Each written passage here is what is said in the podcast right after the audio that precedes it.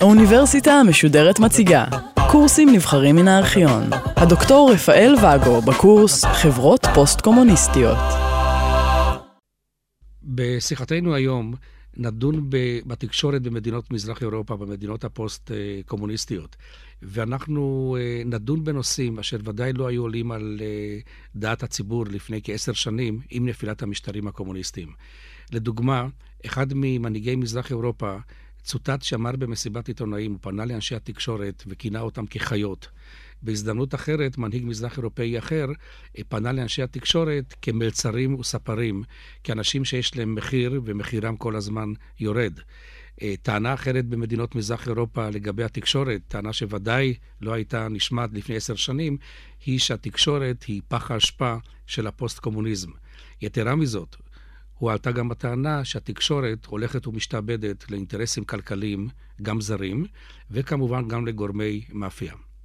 ישנן גם טענות, ואנחנו נבדוק את הטענות הללו, שהשלטונות מנסים לבלום את התקשורת החופשית, כפי שהתפתחה מאז 1989, וישנה מעורבות הולכת וגוברת של הדרג הממלכתי בתקשורת הכתובה והאלקטרונית. יש לציין ולהדגיש שהמונופול על התקשורת היה מעמודי התווך של המשטר הקומוניסטי. אובדן המונופול הזה פירושו גם נפילת המשטרים. לכן, המשטרים הקומוניסטיים עשו מאמצים גדולים לשמור את השליטה על אמצעי התקשורת ולמנוע מן הציבור ומגורמי האופוזיציה אשר צמחו באזור להפיץ את דעותיהם בציבור הרחב. בשנות שקיעת המשטרים הקומוניסטיים ובתקופות המשבר, כגון אביב פראג ב-68, תקופת סולידריות, 1980-81, והמשברים שעברו מדינות הגוש המזרחי לקראת אמצע שנות ה-80, בכל התקופות הללו הופיעו ברוב מדינות מזרח אירופה עיתונים וכתבי עת מחתרתיים בהוצאה עצמית, סמיזדת, אשר השפעתם על דעת הקהל הייתה רבה, אם כי נקודה הזאת עדיין שנויה במחלוקת עד כמה אמנם הפרסומים המחתרתיים הללו הגיעו להמוני העם. מספרם של פרסומים מסוג זה נאמד בפולין בתקופת המשטר הצבאי של אחר 1981 בכמה מאות, וידוע היום שחלק גדול מאותם בוגרי העיתונות המחתרתית, בין אם זה בפולין, הונגריה ומדינות אחרות, היום עומדים בראש התקשורת או לאחר נפילת המשטר הקומוניסטי. עיתונות המתנגדת למשטר הקומוניסטי הופיעה גם בהונגריה כבר משנת 1987, כלומר יותר משנתיים לפני נפילת המשטר הקומוניסטי.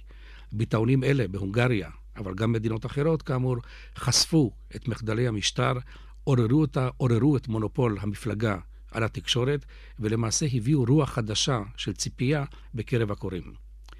לקראת שלהי המשטר הקומוניסטי, בכל מדינות מזרח אירופה התחדד המאבק על התקשורת, וכמובן על המילה הכתובה ועל האמת. יש לציין שהמפלגות הקומוניסטיות, בעיקר האגף הרפורמיסטי שבהם, שהתייחסנו אליהם בראשית שיחותינו, ניסו להביא לליברליזציה מסוימת בתקשורת, אולם צעדים אלה, שבאו מצד המשטר הקומוניסטי, היו מאוחרים מדי ומועטים מדי. אם כן, אנחנו רואים שלקראת שקיעת המשטרים הקומוניסטיים הולך ומתחזק המאבק בין הגורמים האופוזיציונרים, אשר תמכו, הוציאו, הדפיסו והפיצו אה, עיתונות כתובה, עיתונים יומיים, גם כתבי עת, אשר הגיעו לרבבות בני אדם. יש לציין גם ולהדגיש שכלי תקשורת המערבים שיחקו תפקיד חשוב ביותר בהעברת מידע לעמי מדינות מזרח אירופה. מדובר ברדיו אירופה חופשית והזרוע ששידרה לברית המועצות, רדיו ליברטי. מדובר בכל אמריקה וב-BBC. תחנות אלה, אבל גם אחרות, כגון השידורים מגרמניה, מצרפת, הכשירו שכבה שלמה של אנשי תקשורת ממוצא מזרח אירופאי, אשר דיברו, כתבו אל עמי מזרח אירופה, ואותם האנשים גם ששידרו בתחנות הללו הפכו גם לאנשי תקשורת לאחר 1989. כלומר, הקשר עם המערב הוא היה כפול.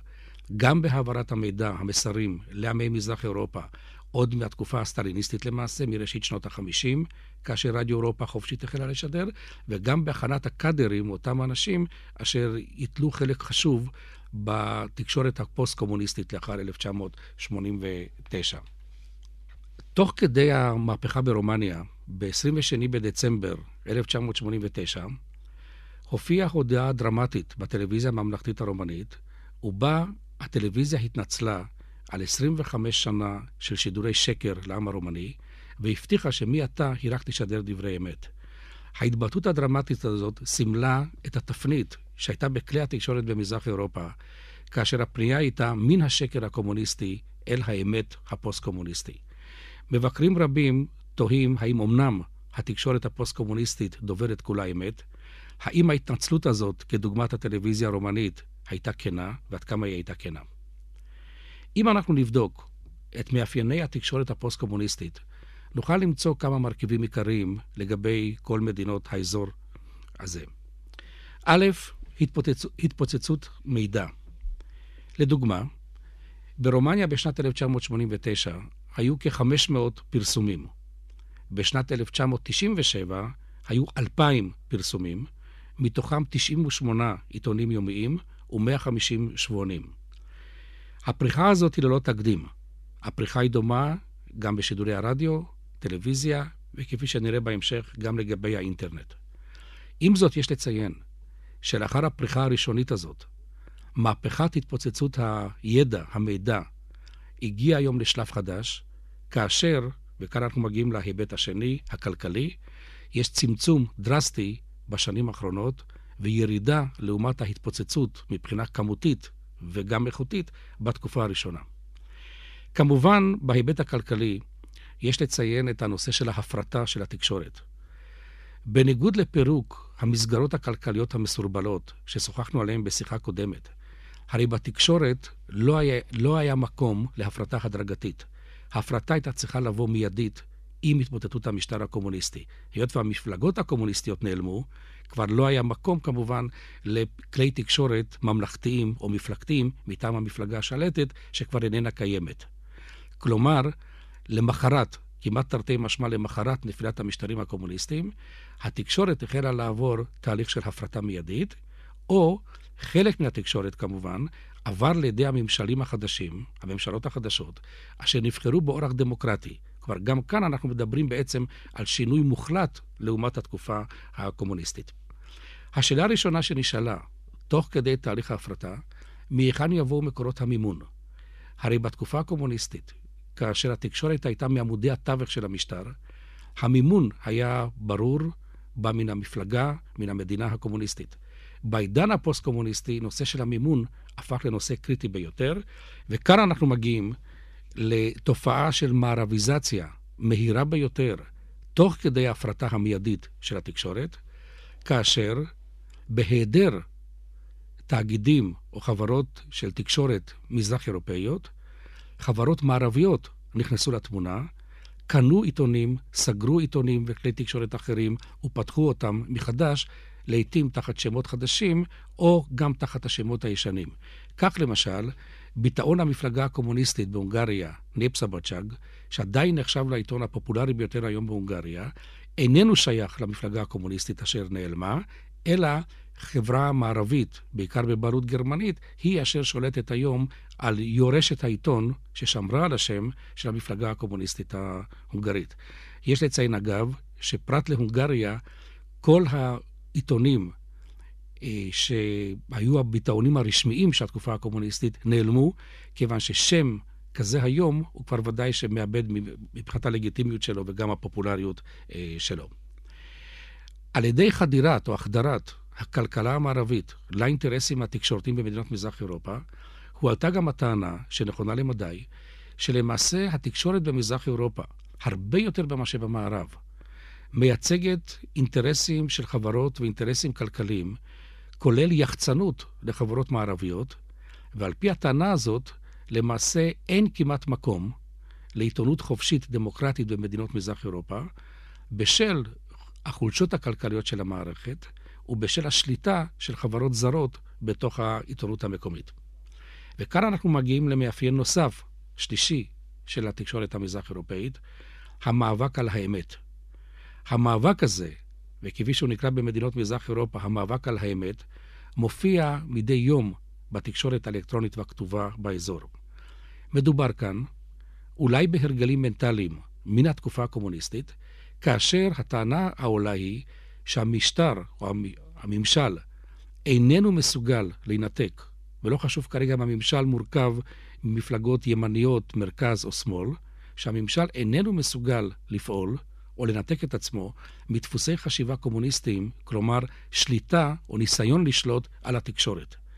לכן המאבק על האמת מתנהל בכל מדינות מזרח אירופה, גם יותר מעשר שנים לאחר ראשית העידן הפוסט-קומוניסטי, בין הגורמים הממשלתיים, ולא חשוב כרגע מי הם יושבים בשלטון באותו זמן, לבין גורמי האופוזיציה היושבים מחוץ לשלטון.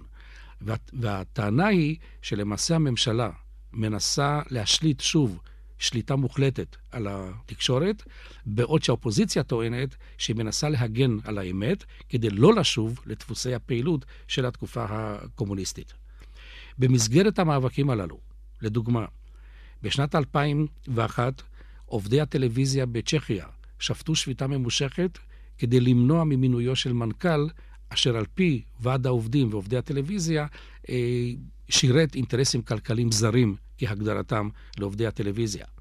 מאבקים דומים מתנהלים בוועדה הציבורית של אמצעי התקשורת בהונגריה, כאשר המאבק חריף ביותר בין השמאל לבין הימין, כפוף כמובן לתקופה מתי השמאל יושב בממשלה ומתי הימין ישב אה, בממשלה. וכאן אנחנו מגיעים למאפיין הרביעי, אשר מאוד בולט בשנים האחרונות. זה התהליך של צמצום כלי התקשורת לאור האילוצים הכלכליים.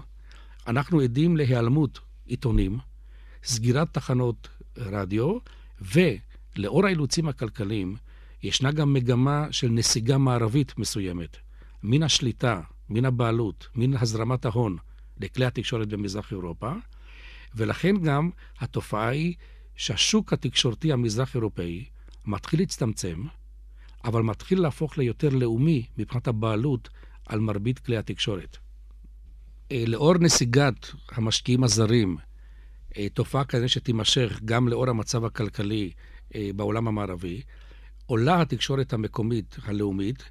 עם זאת, גם בנקודה הזאת אפשר לשאול כמה שאלות מרכזיות. עד כמה הבעלות המקומית כפי שהיא מתפתחת בשנים האחרונות, עד כמה היא משקפת אמנם, וכמה התקשורת משקפת את הבעיות האמיתיות של המדינות הללו. כלומר, השאלה המרכזית היא, עד כמה הציבור הפוסט-קומוניסטי יכול לקבל תמונה אמינה על אותם התהליכים הכלכליים, החברתיים, הפוליטיים שעוברות מדינות מזרח אירופה. התשובה היא מורכבת לכך.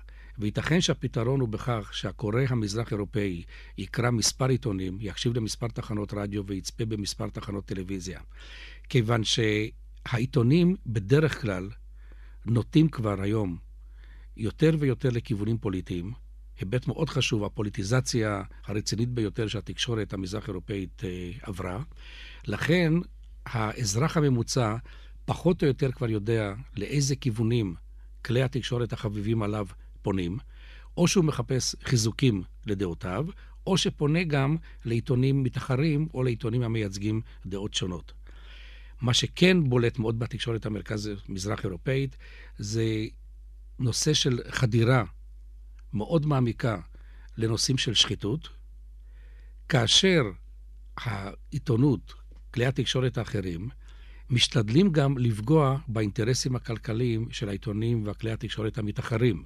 כלומר, חשיפת מקרי שחיתות היא לרוב קשורה גם לאמצעי התקשורת, בעקיפין או ישירות.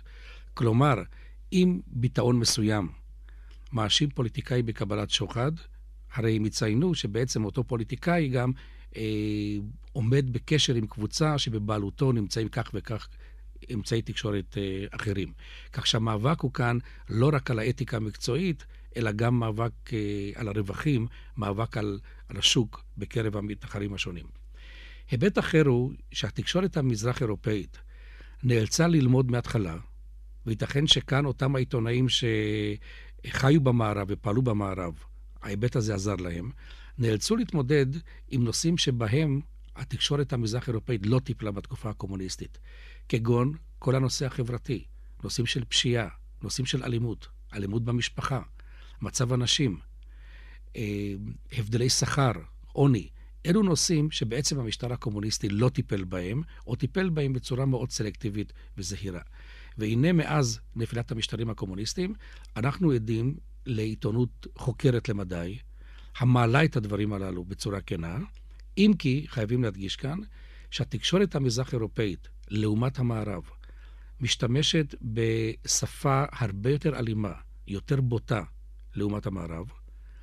בכל מדינות האזור פועלות ועדות לאתיקה, ונעשו ניסיונות אה, לחוקק, לקבוע, לסכם כללים להתנהגות בתקשורת. הדברים בדרך כלל לא עולים יפה, וסך הכל ההתבטאויות כלפי היריבים הם בצורה התוקפנית והאלימה ביותר שניתן למצוא היום בעיתונות החופשית אה, בכלל בעולם. יחד עם זאת, בצד החיובי, עלינו להדגיש גם את השיח ואת הדו-שיח הערני שמתנהל בתקשורת על בעיות השעה, על גורלם של מזרח אירופה, בעידן המודרני או פוסט-מודרני, על סוגיות של מדיניות חוץ. נקודה נוספת חשובה היא שעל פי מחקרים שנעשו במערב, אבל גם במזרח אירופה, התקשורת תרמה במספר מדינות לחיזוק הסטריאוטיפים האתניים השליליים. לדוגמה, ישנו מאמץ מערבי היום להצביע על כך שהתקשורת המזרח-אירופאית מטפחת שנאה לצוענים או דעות קדומות כלפי הצוענים, ולעיתים קרובות כלפי מיעוטים אחרים. כך למשל פועלת במזרח אירופה עיתונות וכתבי עת אנטישמיים במספר אה, מדינות, כגון הונגריה, רומניה, סלובקיה, ויש ניסיון להדביר את התופעה הזאת ולבלום את התופעה הזאת. בנוסף לסטריאוטיפים האתניים, חשוב גם לציין, וזו פרשייה בפני עצמה מורכבת, את תפקיד התקשורת במלחמות שהיו ביוגוסלביה. ויש לציין כאן שכל העיתונות היוגוסלבית, ברפובליקות השונות של יוגוסלביה, פעלו ברובן הגדול לצד הכוחות הלאומניים, ועל ידי כך תרמו לא פעם לדה-הומניזציה של היריב. לעומת זאת, הניסיונות להקים ולשמור על עיתונות חופשית ביוגוסלביה של מילושביץ', בתקופתו של הנשיא מילושביץ', לא עלו יפה, והנשיא פעל להשתקת העיתונות הליברלית, סגירת תחנות רדיו ופגיעה בעיתונאים אשר ניסו לכתוב את האמת על המצב באותה תקופה ביוגוסלביה. אחרון, נתייחס לנושא של מהפכת האינטרנט במדינות מזרח אירופה ותפקידה. מדינות מזרח אירופה נכנסו בתנופה רבה למהפכת האינטרנט בשנים האחרונות, וכמובן שגם כאן מובילות המדינות אשר מבחינה כלכלית, חברתית, המפותחות יותר. הכוונה היא כמובן לפולין, צ'כיה, הונגריה, סלובניה, ואם במקום אחר כך אה, מדינות כמו סלובקיה, רומניה, בולגריה ואחרות. האינטרנט יצר שוק חדש, כמו במערב. מומחים ממזרח אירופה מנסים, ניסו ומנסים ללמוד מן המערב את הנושא של התפתחות האינטרנט. היום, כפי שהמצב משתקף בראשית שנת 2002, המהפכה הזאת הקיפה את כל תחומי התקשורת. מדובר בשימוש רב יחסית באינטרנט לעומת למשל אה, רוסיה. ברוב מדינות מזרח אירופה השימוש היחסי לאוכלוסייה הוא פי שתיים יותר מאשר ברוסיה וחלקי ברית המועצות לשעבר. החדשות, הדיונים, הכתבות באינטרנט, מתחילים גם הם כמובן לשקף את האווירה הכללית בתקשורת, אבל אין ספק שיש כאן חזית נוספת לתנופה בעידן התקשורתי המודרני העובר על מדינות הפוסט-קומוניסטיות. כל הנתונים מצביעים על כך שהיום, בשנת 2002, התקשורת האלקטרונית ונוסף לאינטרנט נמצאים בתנופה מתמדת בקרב מדינות מזרח אירופה. כך גם לגבי אה, שידורים דרך האינטרנט של תחנות רדיו וטלוויזיה, כך שלמעשה מדינות מזרח אירופה, או יתר דיוק רוב מדינות מזרח אירופה, מתקרבות לרמה המערבית, או לפחות לרמה של המדינות הפחות מפותחות באזור המערבי של העולם. בשיחתנו עד עכשיו הדגשנו יותר את המרכיב הניהולי והשינוי באופי התקשורת הפוסט-קומוניסטית לעומת התקופה הקומוניסטית. אולם יש להדגיש שהתקשורת כמרכיב עיקרי בתרבות הפוסט-קומוניסטית תרמה רבות לשינוי המנטליות, להשקפת עולמם של תושבי מזרח אירופה. וההשלכות של מהפכת האינטרנט של המהפכה התקשורתית העוברת על מדינות מזרח אירופה, על עמי מזרח אירופה, משתקפת היטב גם בדפוסים התרבותיים של העמים הפוסט-קומוניסטיים, כפי שנצביע על כך בשיחתנו הבאה.